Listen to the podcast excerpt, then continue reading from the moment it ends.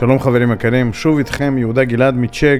לפני שאנחנו מתחילים, אני רוצה לספר לכם שהאורחת שיש לי בפרק הזה היא מישהי מיוחדת. וניסינו להקליט על פני ארבע פגישות שונות, פעם בזום, פעם מיקרופון כזה, פעם מיקרופון אחר. הסיפורים היו כל כך מעניינים וכל כך מעוררי השראה, שלא ידעתי איך לערוך אותו. בסוף החלטתי לתת לכם מעין לקט ערוך של רעיונות וסיפורים ששמעתי מרבקה הנפלאה שלנו.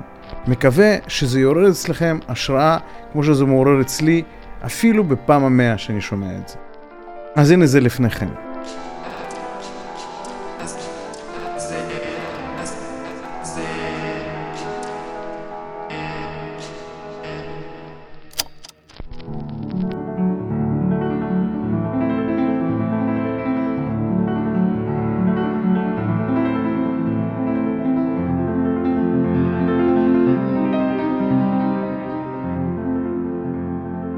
אני רבקה, כמו שיהודה הציג אותי, אימא לשתי ילדים, אה, אחת בת שש ואחד בן אה, שלוש. בארבע שנים בצ'אג כבר, אה, ובמסגרת העבודה שלי בצ'אג התחלתי כסיניור iOS דבלופר, והיום אני מנהלת צוות מובייל. למעשה המרכז פיתוח הישראלי שלנו של צ'ק הוא הבית של המובייל, של החברה. צ'ק היא חברת אה, B2C ולמעשה היישומים שלנו והשירותים שלנו באים לשרת אנשים שלומדים, שזה קודם כל סטודנטים באוניברסיטאות, בעיקר בארצות הברית והיום כבר בכל העולם, ובכלל אנשים שרוצים ללמוד או לרכוש עוד מקצוע.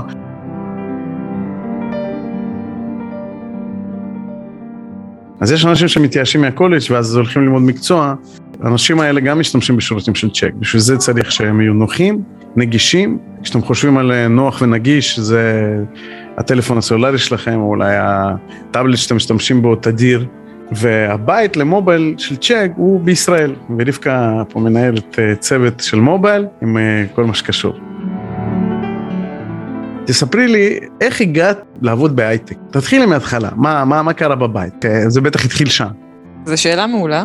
אבא נתן את החזון ואימא נתנה את הפרקטיקה. במעט זמן, אבא היה זה שהיה לו פחות זמן בבית, אימא היה יותר, אה, יותר נגישה, יותר נמצאת, יותר נוכחת. הוא היה יושב איתי נגיד בשבתות, היינו פותחים אה, ספרים של האוניברסיטה הפתוחה, מסתכלים על מקצועות, היה מסביר לי מה זה אומר כל דבר, מנסה לבדוק רגע מה אני אוהבת, איזה מקצועות יש בבית ספר שאני יותר אה, נקשרת אליהם, יותר נהנית בהם. ולעומת זאת אימא, אם היה צריך להקנות הרגלים, או לדרבן יותר, וממש להיות שם בפועל, זה הייתה האימא. אחד הדברים כאילו הכי בולטים, אני חושבת שאימא שלי עשתה, שאני כאילו היום יכולה להגיד עליהם תודה, זה שהיא שמה לב שאני נורא משתעממת בשיעורי מתמטיקה בתיכון. היא הבינה שבעצם אה, אני צריכה טיפה יותר אתגר, ואז היא בעצם שלחה אותי ללימודים אה, בכאלה חברות שמשלימים בגרויות. בעצם לא עשיתי את הבגרות, אבל הייתי במקומות שאנשים אחרי אה, טיול צבא באים להשלים בעצם את הבגרויות שהם לא עשו, בתקופה מאוד קצרה של שלושה חודשים, אז בעצם הלכתי ללמוד את הבגרות שלא הציעו לי בתיכון, בתקופה של שלושה, חודשים עם אנשים שבעצם השלימו בגרויות, אה, וככה עשיתי חמש יחידות. וזה היה משהו שהוא היה מבחינתי היום מעורר השראה, כי זה היה יצירתי, אה, זה לא משהו שכל אימא עכשיו אומרת לילדה שלה, בואי, הנה אני רואה שאת משתעממת, בואי תעשי משהו אחר. וזה גם קצת מחוץ לקופסה, אם אני אכניס אתכם לעולמות הדתיים, זה לא היה מקום דתי, אה, ואז אני נמצאת בתיכון שהוא חרדי, זה קצת אה, לפרוץ מוסכמות. למה רצית אה, להצליח בלימודים? מה הניע אותך לעבוד בתור ילדה? כל העניין של הישגיות הוא משהו שכאילו ליווה אותי בחיים. זה לא בדיוק היה להראות לאבא ואימא, פחות מה שריגש אותי. אני זוכרת את עצמי בן אדם שמאוד אוהב מבחנים, מאוד נהנה מהלחץ הזה ומהאדרנלין הזה, קצת לחוץ, ובסוף יש איזושהי תוצאה. יש תוצאה, יש לך ציון, ואתה כאילו מתקדם ליעד הבא. אז אימא מזהה שאת משתעממת, ובמקום לרדת עלייך, או ללחוץ עליך במקום הזה, היא מבינה שאת רוצה משהו אחר, ועוזרת לך למצוא את זה. היא פשוט הייתה מורה למחשבים, זה היה משהו שלה מאוד אישי, אבל אני חושבת שיש איזה סיפור אחד שאני כן זוכרת מהילדות, שכן השפיע עליי בעקבות זה שהיא הייתה מורה, שאחד התלמידים הכי מצטיינים שלה בא אליה בסוף שנה עם uh, תעודה, היא רואה הכל 100, 100, 100, 100, 100, 100, 100, אבל במקצוע אחד, 60. אז היא שואלת אותו, מה זה, איך זה יכול להיות? כאילו, אתה הכי מצטיין בתיכון, באמת, הוא היה מחונן מאוד מאוד מאוד, וככה היה לו קשר טוב עם אמא שלי. הוא אמר לאמא שלי, תקשיבי, לא, לא צריך להיות מאה בהכל. יש מקצוע אחד שאני לא אוהב, וזה בסדר, להיות בו 60. אנחנו בתור הורים, אנחנו צריכים ללמוד מהדברים האלה, אני חושב. לעבוד גם לפי חוזקות, באמת, לפי מה בן אדם מחפש, ולא בדיוק. רק מה שכן, רוצים, לפי מה אני רוצים לנקד אותו. אני אומר שאני לומדת מה, מהסיפור הזה, זה באמת העניין של כאילו להיות טוב במה שאתה אוהב, ולהשקיע שם את כל האנרגיה, ולהיות הכי טוב. אבל אם יש לך דברים שהם טיפה פחות, זה בסדר, ופחות להשקיע את האנרגיה שם, כי זה פחות נותן תועלת. אז איך הבנת שאת רוצה ללכת ללמוד אה, מחשבים? אז בגדול, די עם הכוונה של אבא.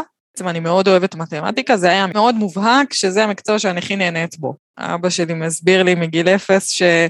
לעשות דוקטורט במתמטיקה כנראה בפועל זה לא מאוד פרקטי, זה מאוד תיאורטי. אז אה, כן לחפש משהו שמביא את המתמטיקה בצורה יותר פרקטית. הוא לאט לאט כאילו יחד איתי הבין שמחשבים זה גם uh, תחום uh, שיכול מאוד מאוד להתאים לי, זה תחום חדש, זה תחום מתפתח, uh, וגם הוא עצמו היה קצת גיק מחשבים, אז uh, זה תרם לעניין.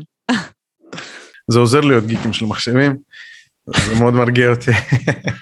הוא עד היום, עד היום שומע פודקאסטים של security, שולח לי כתבות על אה, עדכונים אה, או, או חידושים בכל מיני מערכות, מה חדש באפל, מה חדש באנדרואיד, מה חדש שם, אה, על בית חכם, כל הזמן הוא מעודכן ממש. ואז את אה, בוחרת אה, מתמטיקה יישומית, לצורך העניין, mm-hmm. בצורת מחשבים, ואת הולכת ללמוד. איך זה קורה? קודם כל, לפני שהחלטנו שזה זה, אז uh, כשסיימתי את התיכון, אבא שלי החליט להכיר לי כמה מקצועות, ובאמת uh, עם אנשים שהוא עובד, אם זה עורך דין, ואם זה מחשבים שהוא לקח אותי ל-HP. הוא לקח אותי לאיזה מפעל מאוד מאוד גדול עם מישהו שהוא uh, uh, הכיר, שאני אבין רגע מה הם עושים שם, ואם זה חבר באמת uh, עורך דין, וקצת להכיר את מקצועות הרפואה. ככה על טעימה מכל דבר, ויחד אחרי שראיתי את הדברים האלה, הבנתי שאני יותר אה, מכוונת לאזורים של אה, מחשבים. ואז היה פה כאילו את האתגר של, אה, אוקיי, כל החברות שלי הולכות ללמוד הוראה, זה היה דבר מאוד ברור, שכולן עושות. וזה היה קצת, לא חלק מהסטנדרט, או... נורמה. כן, חלק מה, מהנורמות החברתיות, להגיד שלא, אני לא הולכת ללמוד הוראה. לא אמרתי שאני לא הולכת ללמוד הוראה, בפועל התחלתי להירשם למכון טל, ובד בבד הלכתי עם חברות שלי לסמינרים, לתהליך שהיה צריך, אבל פשוט כאילו בלי לייצר יותר מדי פרובוקציה. אני, אני שמה כדי להיות איתם, אבל לא כדי להמשיך. ליווית את החברות לדרכם. כן. למי שעכשיו חושב על לימודים, לימודי תוכנה, אוקיי, ושומע שזה קשה, והוא מתלבט כי אולי אין לו כוח. אולי לא כל כך להצליח בבית ספר. מה את יכולה להגיד על לימודים? אם אתה חושב שאתה יודע משהו בתור ילד או בתור תיכוניסט, או ואתה מרגיש שאתה יודע הרבה דברים ואתה חכם, פתאום כשאתה מגיע למקום כזה כמו אוניברסיטה, מסת הידע שאתה מתחיל לקבל היא עצומה, אתה בעצם מבין כמה אתה לא יודע כלום, כמה יש לך עוד לגדול. וההבנה הזאת היא שאתה בעצם יכול כל הזמן להתפתח ולגדול ו- ולבחור גם את האזורים שבהם אתה יכול לגדול בהם, היא מדהימה. כי אתה מבין כמה אתה יכול לצבור ידע, כמה אתה יכול לגדול כאישיות, כבן אדם, כאינדיבידואל אה, שלומד מחשבים, ואתה מבין גם מה אתה לא יכול, כן? כשאתה בוחר נגיד במקצוע כמו מחשבים, אתה בוחר גם שאתה לא תהיה עורך דין. לא בהכרח אומר שאתה לא יכול לצבור את הידע, כן? אבל אתה כן בוחר להתמקצע במשהו, וההתמקצעות הזאת היא מרגשת. תלמיד שהוא סיים את התיכון ולא הלך לו כל כך טוב בתיכון, אולי הוא לא, אין לו בגרות, הוא הלך לצבא, הוא נסע לאיזה טיול, האם אה, ללכת לאוניברסיטה ללמוד תוכנה, זה צריך להפחיד אותו?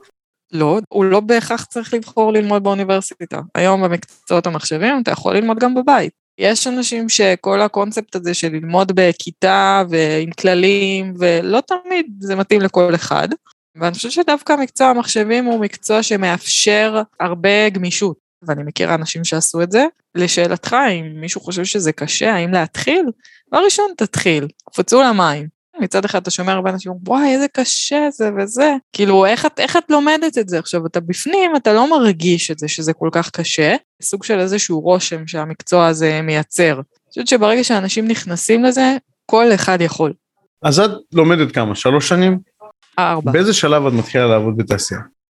הבנתי כבר בשנה שלישית, כשאני אסיים את התואר, כדי שהמעבר יהיה חלק לתעשייה, אני צריכה להתחיל לעבוד כבר בשלב שאני סטודנטית. זה סופר סופר קריטי. להגיע לשוק במצב שאתה גם לא לומד וגם לא עובד, ואז להתחיל לחפש עבודה, זה יהיה הרבה הרבה הרבה יותר קשה, מאשר שתבוא, תסיים את התואר עם ניסיון. ככה, סוף שנה שלישית, התחלתי להבין שאני צריכה לחפש עבודה. פתאום שמעתי על, על משרה פתוחה, ב... אני חושבת שזה אחד הסטודנטים במכון לב, העלה ש...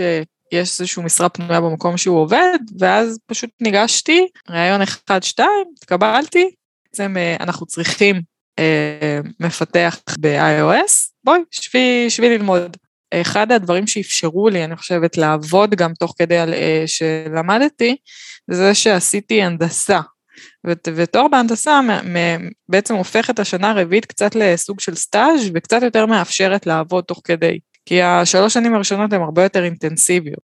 אם אתם מתלבטים בין uh, לעשות תואר במדעי המחשב או בהנדסה, וההבדל הוא כאילו אם לעשות עוד שנה, יכול להיות שיש לזה יתרון מאוד משמעותי, כן להמשיך עוד שנה ולעבוד תוך כדי, וגם לרכוש תואר בהנדסה, גם לצבור ניסיון תוך כדי התואר ולצאת לתעשייה קצת יותר מצ'ור. אחלה טיפ, משמעותי מאוד. לא פעם נתתי עצה לאנשים צעירים שמתלבטים או בוחרים עכשיו לאיזה כיוון ללכת בחיים, ללכת uh, ללמוד איזשהו מקצוע משמעותי שאין להם מושג בו, באיזושהי סביבה אקדמית מסודרת. ושתוך כדי זה מתחילים לעבוד כי המעסיקים הם באים למקומות האלה, איפה שאנשים לומדים, איפה שיש את הכוח אדם. היתרון של לא ללמוד לבד, זה שיש עוד אנשים שכמוך מחפשים איזשהו כיוון בחיים עכשיו. את הקריירה הזאת. כל אחד בא עם הקשרים שלו, כל אחד בא עם ההקשר שלו, ושם אתה יכול הרבה לפני כבר לקבל עבודה כשאתה לומד. ופה את מספרת לי בעצם שכן מישהו, איזה סטודנט בא, סיפר, זאת אומרת זה קורה בפנים.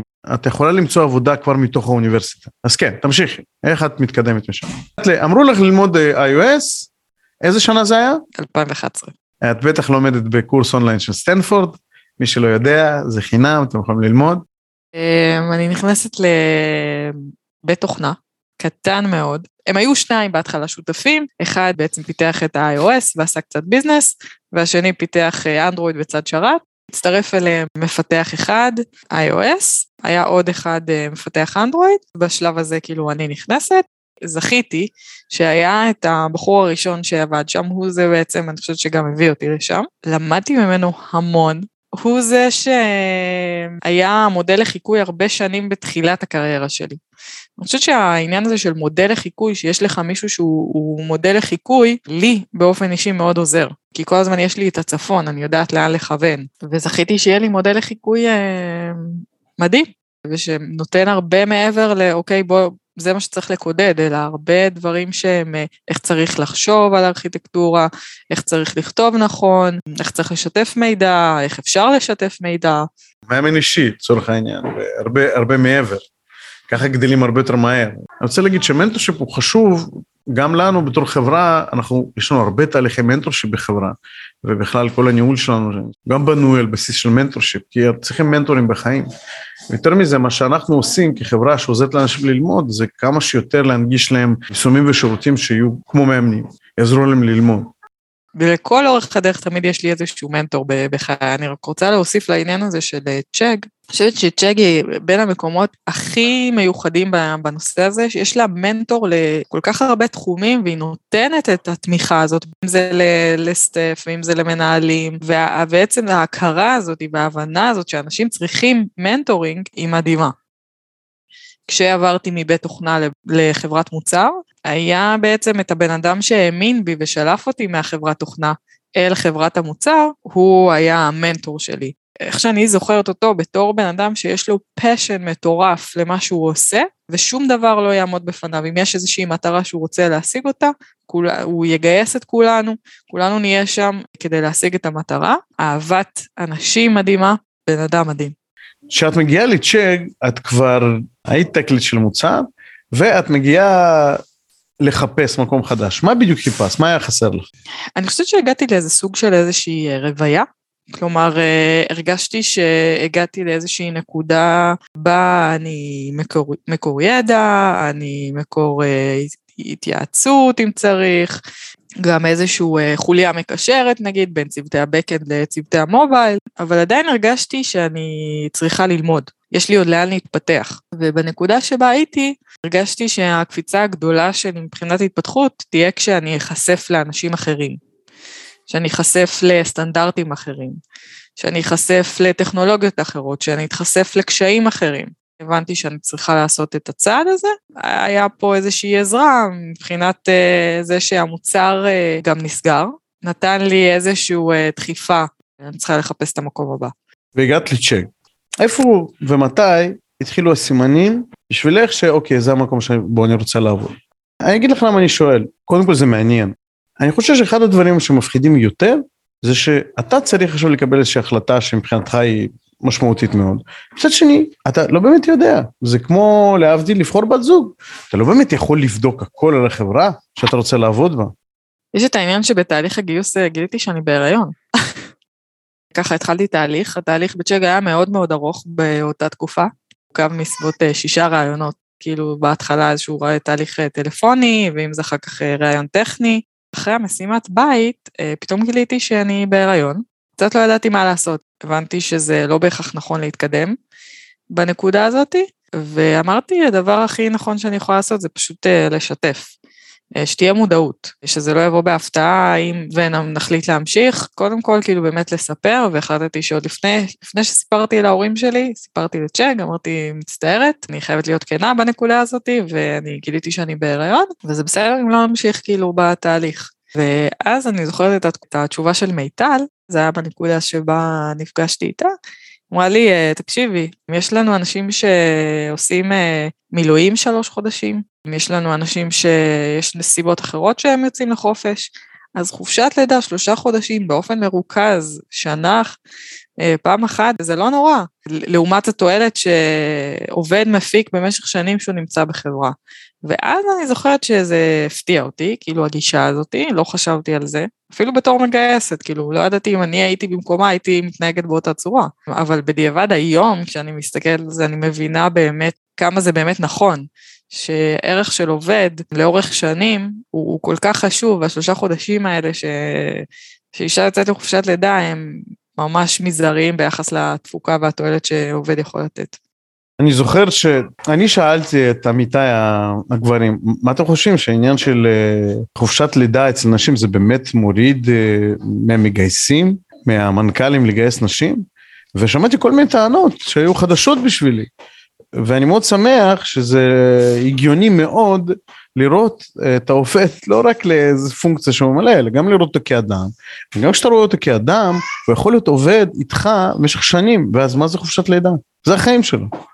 אני חושב שרוב הניהול שלנו נשים, אני לא חושב שזה מפריע להם לצאת לחופשת לידה, ברוך השם. חשוב לשים את זה על השולחן, כי באמת יש מיתוס כזה על הייטק, אבל יכול להיות שהוא לא מיתוס, יכול להיות ש... הנה בצ'ק זה מתנהל נכון, ואני בטוח שבעוד הרבה חברות, זה התרבות שצריך להעתיק, אני חושב. אוקיי, זאת אומרת, זה לא יפריע לתהליך. ממש לא. אני חושב שהנושא שמאוד היום על הפרק, הוא ממש תוקף מכל המקומות, מרשתות החברתיות, מספרים לך, תקשיב, אתה יכול להשתכלל. הנה הדרך הטובה ביותר להכין פסטה. הנה הדרך הטובה ביותר למצוא חנייה. הנה ככה תסחור בניירות ערך. זה השגרת הבוקר שאני קם בארבע, את מכירה את כל אלה, אני, אני עושה את השייק הבריא שלי, אני עוד יוצא לריצה, שעה וחצי לפני זריחה, כל, כל הדברים האלה. כל הזמן יש איזשהו רצון להשתפר, לזוז ממקום שבו אני נמצא למקום יותר טוב, ולעשות את זה בצורה מאוד מאוד טובה, יעילה, איכותית. אז הנושא של הגדילה הוא מאוד משמעותי. אבל קריירה מפגישה אותנו עם גדילה, ואנחנו לא תמיד יודעים לאן אנחנו רוצים לגדול, איך אנחנו רוצים לגדול, מה תהיה הגדילה הנכונה שלי, האם אני צריך לגדול לגובה או אני צריך לגדול לרוחב. אה, אנשים חושבים שהדרך ההתקדמות היחידה זה להיות בוס של מישהו. מה זה אומר להיות בוס של מישהו? האם זה הדרים ג'וב שלי להיות בוס של מישהו? לפעמים כן, לפעמים לא. יש הרבה שאלות בעניין הזה, מה שבטוח, העולם היום רוצה להתפתח. העולם היום, אני מתכוון לאנשים צעירים. אנשים שמרגישים שהם, שהם רוצים לזוז, רוצים להתפתח, הם רוצים לגדול. אז בואי נדבר על הגדילה. לגמרי. כאילו, גדילה בשבילי זה לצאת מאזור הנוחות, לעשות משהו שלא היית רגיל אליו, אפילו לא, לא בהכרח היית מאמין שאתה יכול, או אוהב אותו, או ברגע שאתה מתנשא, אתה מגדיל את, ה, את האפיקים שלך, אתה מגדיל את ההיכרות שלך עם עצמך, מה אתה בכלל מסוגל לעשות. אתה אולי מייצר לעצמך גם סקילים חדשים שלא היו לך קודם. כשאת מגדירה את הגדילה בצורה כזאת, זה כי את בן אדם אמיץ, שלא פוחד לעבוד, וזה חוזקה חזקה שלך. את אומרת, אה, אני לא, אני, לא, אני לא פוחד לצאת מאזור הנוחות שלי, כי מבחינתי זה גדילה, זה מקום שאני שואפת אליו. אבל זה גם יכול להיות מקום מאוד מפחיד. זורקים אותך לתוך המים, אתה יכול אה, לטבוע. נכון, היציאה הזאת מאזור הנוחות היא לאו דווקא הייתה משהו שליווה אותי כל הזמן, כן? אני, אני בהחלט בן אדם שאוהב לצאת מאזור הנוחות שלי, אבל לא תמיד זה היה נכון, לצורך העניין, לצאת מאזור הנוחות שלי ולעבור לתפקיד ניהול. כן, היו אה, פעמים שבהם צ'אג הייתה המקום הנכון בשבילי לעשות את היציאה הזאת מאזור הנוחות. הבנתי שבעצם בצ'אג אני מסוגלת, ואני יודעת שאני אקבל את התמיכה, כאילו, לעשות את הצעד הזה. מה זאת אומרת? איזה תמיכה צריך במקום הזה? בגדול אתה צריך את האנשים הנכונים שיהיו סביבך, אנשים שאתה יודע שאתה יכול ללמוד מהם, מנטורינג נכון, וגם אה, הרגשה פנימית, הרגשה פנימית שאתה אולי אתה, אתה הגעת לאיזשהו שלב שאתה מרגיש שאתה אולי לא במאה אחוז, אבל בשמונים אחוז, שאתה מרגיש שאתה כן יכול לעשות את הצעד הזה. כי יש מרכיב של, של אי-ודאות ביציאה ממקום הנוחות. זאת אומרת, צריכה איזושהי ודאות סביבתית כדי להיכשל בעצם, כי להצליח, זה לא משנה מי נמצא סביבך אם אתה מצליח. אבל אם אתה לא כל כך מצליח, או אתה לא יודע איך, איך כל כך להצליח, אתה צריך איזושהי סביבה תומכת. כן, היא צריכה יותר כאילו מישהו שיכוון. להיות באיזושהי מערכת שיש לך פידבק לופ. כשאתה מנסה משהו חדש, אתה צריך שיהיה לך כל הזמן אה, איזשהו אה, פידבק, שתדע שאתה הולך לכיוון הנכון. במיוחד שאתה מנסה דברים חדשים, ולא בהכרח אתה יודע אם אתה עושה את הדבר הנכון בכל צעד ושעל שאתה עושה. אז שיש לך את האנשים הנכונים, שיודעים לתת לך פידבק, שיודעים לכוון אותך, שיודעים לענות לך על שאלות שאתה נתקל בהן, להיות איתך באתגרים שאתה נמצא בהם, אז זה מאוד חשוב שאתה מנסה דברים חדשים. מבחינתך, מה עם השלבים שעלית בהם בסולם? בהתחלה רציתי להיות המפתחת iOS הכי טובה, ואחרי זה רציתי להיות tech lead בפרויקט שבו עבדתי. אז הייתי מאוד בתפקידי אה, עומק, אז אם למדתי שפה אחת, אז אה, לנסות להגדיל את הכישורים שלי אולי טיפה בסקריפטי וכן הלאה. אז, אז עליתי בסולם הזה בהתחלה. כשבאתי לעבוד בצ'אג, אז uh, התחלתי שוב פעם כמפתחת iOS, והיה לי בעצם הבנה שפה זה משחק שונה. אז שמה, בעקבות הזדמנות שבעצם אה, נקרתה בפניי, הבנתי שאני יכולה לעבור, לצאת מהקומפורט זון הזה שהייתי כאילו יותר בעולם הטכנולוגי, אלא ללכת כאילו לעולם הניהול. האם היה לי קל? לא, לא היה לי קל. מה היה קשה? אני לא יודעת כמה, כמה כאילו זה נכון לדבר על זה, אבל אני אהיה הכי פתוחה. אה, אתה מכיר כאילו את תסמונת המתחזה? כן. אה, אז זה משהו שלא ידעתי עליו, ואני חושבת שמאוד אפיין אותי. גם עכשיו, אבל בעיקר בתקופה הראשונה, שבה חשבתי שהכל פשוט בטעות קרה, כאילו בדיוק הייתה הזדמנות כזאת, ובדיוק אני נקראתי לסיטואציה הזאת, ובדיוק הדברים הלכו לי טוב, ובדיוק ובדיוק, ולא הרגשתי שאני לגמרי... שזה לא מגיע לך. כן. וזה כל הזמן כרסם, והתחושה הזאת היא כל הזמן mm. מערערת, כי אתה לא בטוח בעצמך בעצם באותה נקודה. המון המון המון ביקורת עצמית, שהיא גם טובה, אני מוצאת אותה הרבה פעמים בתור משהו שהוא גם מגדיל.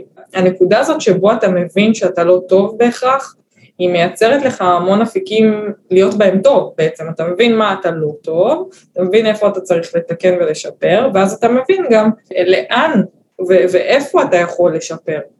אני אוהבת את זה מצד אחד, מצד שני יש בזה גם כאילו הרבה חסרונות. באמת, אם מדברים על יציאה מאזור הנוחות, במיוחד במקום שנותנים לך אחריות, אז uh, מאוד יכול להיות מלווה בתסמונת המתחזה. חושבים שהוא מסוגל, אבל הוא בעצם מרגיש שהוא לא מסוגל. ספק קשה מאוד. אז זאת אומרת, שזה יכול ללמד אותך במה להשתפר, האם צריך להיאבק בזה, בספק הזה? איך להתמודד עם זה? אני מחבקת את זה. אני לא בהכרח אומרת שזה הדבר הכי נכון להתמודדות, אבל מבחינתי, אני נהנית מהסיטואציה שבה אני מבינה איפה הגאפ שלי כל הזמן, ככל שאני לומדת יותר לחיות עם זה, ולצמצם את הגאפ, ואתה לפעמים מסתכל אחורה ואתה אומר איפה הייתי ואיפה אני היום, אתה מבין שאתה כן אה, משתפר, אז אה, ככה אני חיה עם זה.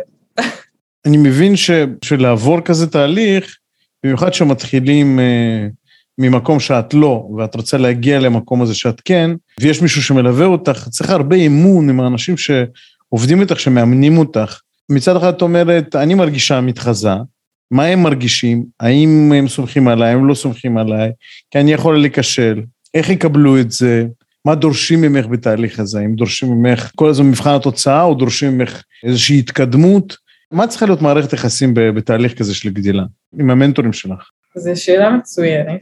אני יכולה להגיד שזכיתי באנשים שהאמינו בי באמת בצורה שאני לא האמנתי בעצמי. ובזכות האמון הזה, באמת, כמו שאמרת, שכאילו בשביל תהליך כזה צריך המון אמון, זה גרם לי בעצם להבין שלנסות ולקפוץ למים ולעשות את הדברים שמאמינים בך, אז זה גרם לי את, את ההבנה הזאת שאני יכולה לעשות, ובזכות זה גם עשיתי את זה. האם בפעם הראשונה זה היה הכי מוצלח? לא בהכרח, אבל בפעם השנייה והשלישית זה כבר היה יותר טוב, ובזכות האמון, האמון הזה השתפשפתי.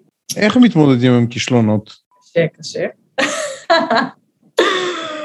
גם מה זה כישלון? באיזה משקפיים כאילו אתה בוחן כישלון? האם במשקפיים של עצמך או במשקפיים של מישהו אחר? כי הרי לא בטוח שכשאתה תיכשל, יהיה מישהו שיגיד לך, ולחילופין, אם אתה חושב שאתה נכשל, לא בטוח שזה, אחרים חושבים שהוא כישלון. איך מתמודדים לפחות עם כישלון שאני מזהה אותו ככישלון? יש כזה משפט שזה מהחסידות אפרופו, אחרי uh, עצבות הולכים לישון ואחרי מרירות הולכים ללמוד. כשיש לך איזשהו כישלון, עדיף שתתייחס לזה בתור מרירות ותתחיל לפעול, מאשר כאילו תלך לישון ותתבאס מזה. זה רק נותן לך דחיפה לעבוד יותר קשה. לי יותר קשה להתמודד עם כישלון עצמי, בעיני עצמי. מה זה כישלון? באמת את צודקת, שאלה טובה. אפשר להגדיר תהליך שאין בו בכלל כישלון, שרק יש בו, את יודעת, התקדמות שונה. אבל לפעמים יש פשוט משימה מוגדרת, או יעד, ולא עומדים ביעד. האם זה כישלון? זה כישלון אה, מקומי, השאלה אם זה משהו שלא בהכרח יביא אותך להצלחה אחר כך. אז זאת אומרת, צריך להסתכל פה באיזושהי פרספקטיבה שהיא ארוכת טווח, ולא להיתקע באיזושהי הסתכלות מקומית. כנראה שבשביל הצלחה אחת יכול להיות שאתה צריך אלף כישלונות, כן? אבל, אבל בלי האלף כישלונות האלה לא תגיע להצלחה הזאת. אנחנו עושים את מה שאנחנו עושים, כי אנחנו מצליחים, יש לנו גם תפיסה עצמית שאנחנו מסוגלים הכל. כל האנשים ש, ש, שעובדים איתנו בצ'ק לצורך העניין. זאת האווירה, זה בכלל אנשי הייטק, הם מרגישים ש, אה, שהם יכולים להצליח. זאת אומרת, אנחנו לא, לאו דווקא בנויים להתמודד עם כישלונות. אנחנו לא יכולים אה, לחוות יותר מדי כישלונות מקומיים, לא משנה כמה ארוך התהליך. אני חייבת לסלוק עליך, כאילו אני חושבת שדווקא בתעשייה הזאת, אנשים מתמודדים עם כישלונות ברמה היומיומית. כתבתי משהו והרצתי אותו, וואלה, זה לא עושה מה שתכננתי. רוב הסיכויים שזה לא יעבוד על הפעם הראשונה. אתה כל היום צריך להבין שאתה בעצם באיזשהו תהליך מתמיד של ניסיונות, ובסוף התמדה היא זאת שתביא לך כאילו את ההצלחה. אני רואה את זה כאילו בקהילה הזאת המון. היכולת הזאת לדעת להתמודד עם כישלונות מביאה אותנו להצלחה, כן. מה זה להיות מנהיגה? בן אדם צריך להיוולד בצורה כזאת? מה זה בכלל אומר? להיות בוס? כן, יש יתרונות לאנשים שבאופן טבעי יש להם תכונות מסוימות. אם נולדת איתם, יש לך בונוס, אם לא נולדת איתם, אתה צריך לעבוד יותר קשה כדי להגיע לשם. את מדברת מתוך ניסיון שנולדת עם זה? אני, אני מדברת מתוך ניסיון שלא נולדתי מזה. אוקיי. Okay. אני באופן אישי, אני מרגישה שאני צריכה לעשות עבודה כדי להגיע לרמה שתספק אותי לפחות, ברמת המנהיגות שאני מצפה מעצמי. מה חסר לך? מעניין. אני קודם כל אתחיל, אני חושבת מה, מה הדבר הכי חשוב שצריך במנהיגות. אני חושבת שהדבר שהכי חשוב במנהיגות זה רגישות. אני חושבת שיש אנשים שנולדים עם זה טיפה יותר, יש אנשים שנולדים עם זה אה, טיפה פחות. קח את הדוגמה של משה רבנו, שהוא דוגמה של מנהיג, שהוא היה אכפת לו מהכבשה הכי קטנה בעדר. נתקלתי לאחרונה גם באיזשהו ספר שנקרא uh, Leaders uh, Eat Last, בעצם מה התפקיד של המנהיג, וזה לא איך שאנחנו תופסים אותו בתור אחד שראשון תמיד בכל דבר, אולי ראשון, אבל לא תמיד בדבורים הטובים, אלא לפעמים אה, אוכל אחרון ונמצא שם בשביל הצוות. אני חושבת שמשהו שאני למדתי כאילו עם הזמן, כשאני נתקלת בסיטואציות, הרבה פעמים אתה בא ומנסה לתת פתרון, אבל uh, לפעמים נכון לעשות צעד אחד אחורה ולהבין למה דבר קורה, מה השורש של, של הבעיה. ברגע שאתה מנסה uh, ליישב רגע את הנתונים ולאבד אותם ביחד, אתה מבין רגע שיכול להיות שכאילו יש פה איזשהו קונפליקט שנובע מאיזשהו uh, uh, הנחה מוטעת. ואז ברגע שאתה שובר הנחה מוטעית, אתה בעצם פותר את הבעיה. אתה לא פותר בעצם את הקונפליקט עצמו, אלא אתה פותר לפעמים הנחות שגויות, תקשורת לא אה, מלאה. בעצם אתה מתבונן יותר טוב, ומתוך זה שאתה מתבונן יותר טוב על הדברים, אתה יכול לפתור. תמיד הדבר הכי קל זה לשנות את עצמנו. לשנות אחרים זה יהיה הרבה יותר קשה. יש את המשל הזה ש, של ילד ש, שאבא שלו הביא לו עם אה, מפת העולם להרכיב, והילד אה, תוך אה, ככה ממש כמה דקות הצליח לפתור את כל הפאזל. אז האבא שאל, למה, איך הצלחת כל כך מהר לבנות את הפאזל של כל העולם? אז הילד אמר לו, בצד השני היה תמונה שלי. ראיתי את התמונה ולפי זה הרכבתי. אז את העולם יותר קשה להרכיב או לתקן, אבל את עצמך הרבה יותר קל. אז אני רוצה עכשיו להרכיב את הפאזל של מה שאמרת לי. את אומרת, מנהיג חשוב שיהיה רגיש. אני מניח שאת מתכוונת רגיש למי שתחתיו, למי שהוא מנהיג. גם למי שמעליו. אוקיי, אז את יכולה להשלים את התמונה הזאת? כי אני מבין שהוא בתווך. Mm-hmm. צריך מצד אחד להיות רגיש לצורכי הארגון. מצד שני, צריך להיות רגיש לאנשים שבאים, אה, מה, להשתתף איתו, כן? להיות השותפים שלו, בתוך המשימה שלו. מה זה להיות רגיש כלפי מי שמעליו, לדוגמה? זה, זה מעליו, מתחתיו, מצדדיו. אני חושבת שבסוף צריך להבין שאתה חוליה בהרבה שרשרות, והרגישות שלך צריכה להתבטא בכל תחום. אם זה באמת כלפי האנשים שלך, שזה אולי מתבטא יותר ב, ביום-יום, אבל uh, זה הרבה גם uh, עם האנשים שהם פירים שלך, איך לשתף איתם פעולה, איך להיות רגיש מספיק לצרכים שלהם ולמצוא התאמה לצורך שלך ולצורך שלהם, או לחילופין לעזור, וגם uh, מול המנהל, אה, שלך, שבעצם אה, בא ומייצג את צורכי הארגון, ולשים לב לצרכים שלו, לשרת אותם על ידי הצוות שלך. אם לא תהיה מספיק רגיש ותבין בעצם את צורכי הארגון מלמעלה, זה לא יעזור שתהיה רגיש לצוות שלך, זה לא מספיק. זאת אומרת, אה, להרגיש חוליה בשרשרת, זה, זה לראות את כל התמונה. עכשיו, שאת אומרת להיות רגישים, לדוגמה, לאנשים בצוות שלך, למה בדיוק צריכים להיות רגישים? מה מניע כל אחד? מה נותן לו מוטיבציה. וכשבן אדם מגיע עם איזושהי בעיה, צריך להיות רגיש מספיק להבין מאיפה זה מגיע, ולנסות לתת מענה לצרכים אה, הספציפיים האלה. אתה בדרך כלל, כשבן אדם מגיע אליך עם משהו, אתה רואה חלקיק. ואם אתה רגיש מספיק לאסוף את הנתונים של הבן אדם עצמו, ולהבין אותו בצורה אינדיבידואלית, אתה יכול לתת מענה טוב יותר. כמו חינוך, כמו עם הילדים בבית. כן, לגמרי. אני רוצה לשאול אותך, את נראית לי אדם מוצלח. אני לא יודעת. ככה את נראית מהצד. בטוח יש לך איזה שהם אה, טיפים ש... או דברים שעובדים בשבילך, שאת יכולה להמליץ לאנשים שיכולים אה, להתאים להם. אחד הדברים שהכי מלווים אותי בחיים זה ההבנה כמה שאני לא מבינה. להיות כל הזמן בהבנה שאתה כאילו בלמידה מתמדת, וככל שאתה לומד יותר, אתה מבין כמה שאתה לא יודע יותר, וזה מה שגם עוזר לך יותר להקשיב לאחרים, להיות כלי לקבל מאנשים ידע, להיות כלי לקבל מאנשים פידבק, וזה גם מה שנותן לך drive לפעמים. ברגע שאתה מבין שכאילו יש לך עוד לאן להתקדם, אז אתה עובד יותר קשה כדי להגיע לזה. אתה לא נח. כשאנשים יודעים קצת, אז הם חושבים שהם תופסים כבר את העניין. היה ניסוי, אפרופו, של אה, דן אריאלי, שנתן לאנשים בעצם אה, אה, לבנות ניאגרה, זה נקרא ניסוי הניאגרה. נשמע טוב. כן. אז בעצם הוא נתן בהתחלה לאנשים לדרג את עצמם, כמה הם חושבים שהם יודעים כמה, איך הניאגרה בנויה. ואנשים נתנו לעצמם דירוג. נגיד, אחד אמר, אני ממש 90 אחוז יודע, כאילו, בדיוק לאחרונה עשיתי משהו שקשור לזה, וכאילו, אני יודע. ואז נתנו לאנשים לצייר את זה, איך כאילו ניאגרה בנויה. ואז אז נתנו להם לדרג שוב את עצמם, את הידע שלהם. הדירוג קצת ירד. ואז אחר כך נתנו לאנשים ממש את הניאגרה עצמה ולבנות אותה, ואחרי שהם לא בהכרח הצליחו, או הצליחו, נתנו לעצמם לדרג את עצמם שוב, וראו שהדירוג עוד יותר פחת. מה שאומר שככל שאתה באמת מבין יותר טוב איך לבנות את הניאגרה וכולי, ויש לך את הניסיון, אתה מבין כמה שאתה לא יודע. זה לא מתסכל? לא, זה הפוך, זה... לי בכל אופן, זה נותן הרבה אנרגיה ו- ואמביציה. אהה, את לא, לא פוחדת מהמקום הזה. הפוך, אם אני אגיע לשלב שבו אני אחשוב שאני מבינה, אני אלחץ. אבל נניח את יושבת ואת עכשיו צריכה להבין משהו וללמוד. הרי את מגיעה לאיזושהי נקודת רוויה, את אומרת, אוקיי, עכשיו אני מבינה. את נלחצת מזה? אני לא חושבת שאני אף פעם מגיעה לאיזושהי נקודה שבה אני יכולה להגיד, אני מבינה. לא, למדתי אחוז מסוים. אפילו לא אחוז, כי זה אף פעם, זה תמיד, המאה אחוז תמיד גדל. למדתי, עכשיו אני מבינה לאן יש לי עוד להתפתח.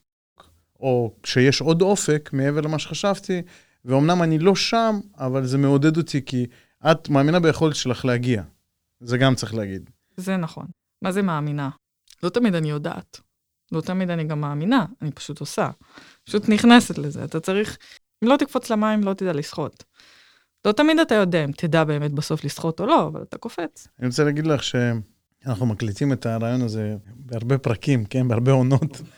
ויצא לי לדבר uh, עם הילדים שלי, יצא לי להשתמש במוטו שלך, שאת אומרת, לעשות הכי טוב כדי ש...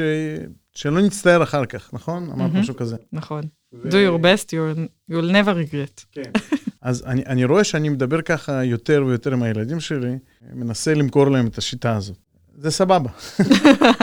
זה שלך אין פחד מלעבוד, זה עוצמה חזקה מאוד, והיא פותחת, היא פותחת. ואני רוצה לציין את זה לכל מי ששומע, שבן אדם יכול להיות מאוד מתוסכל מזה שהוא לא משיג את האופק, ושהאופק בלתי מושג. אבל בן אדם שלא פוחד מללכת, מלעבוד, זה להפך, זה, זה מוסיף לו כוח, כמו שאת מספרת. כשאני לומדת משהו, אני מבינה כמה עוד יותר רחוק אני יכולה להגיע. למרות שאני יודעת שאני אף פעם לא אגיע אל, אל האופק. אבל מכיוון שאני לא פוחדת ללכת, אז אני מבסוטה. ו- ועל הדרך יש הרבה התקדמות והתפתחות. זה מאוד משמח. אז איך אפשר להיות כמוך? רבקה, תני איזה טיפ. כל אחד יש את הייחודיות שלו. טובים כמוך. אה, לא, תהיו טובים כמוכם. אני חושבת שאף פעם אל תנסו להיות כמו מישהו אחר. ועל ידי זה שתחפשו כל הזמן איך להיות גרסה יותר טובה של עצמכם, אתם תהנו מהסיפוק הזה של כל הזמן להתקדם. כל הזמן אה, להסתכל אחורה, להבין בעצם מה, במה השתניתי בתקופה האחרונה, במה אני יותר טובה, במה אני פחות טובה, במה יש לי עוד לשפר. תמיד חושבת על זה, אני חושבת שיצא לי אה, עם אחד ההודים אה, דווקא לספר על, אה, על יום כיפור. אמרתי לו שזה מעין אה, retrospective על החיים. כל שנה אנחנו עוצרים, אנחנו עושים רטרוספקטיבה, אחר כך אנחנו עושים planning, כזה מיני planning, אבל אה, חשוב לעשות את זה על עצמך כל הזמן. לא יודעת כמה זה טוב, אני חייבת לומר שזה גם, יש בזה חסרונות. העניין הזה שאתה כל הזמן בביקורת עצמית, אבל צריך אה, למצוא את האיזונים הנכונים.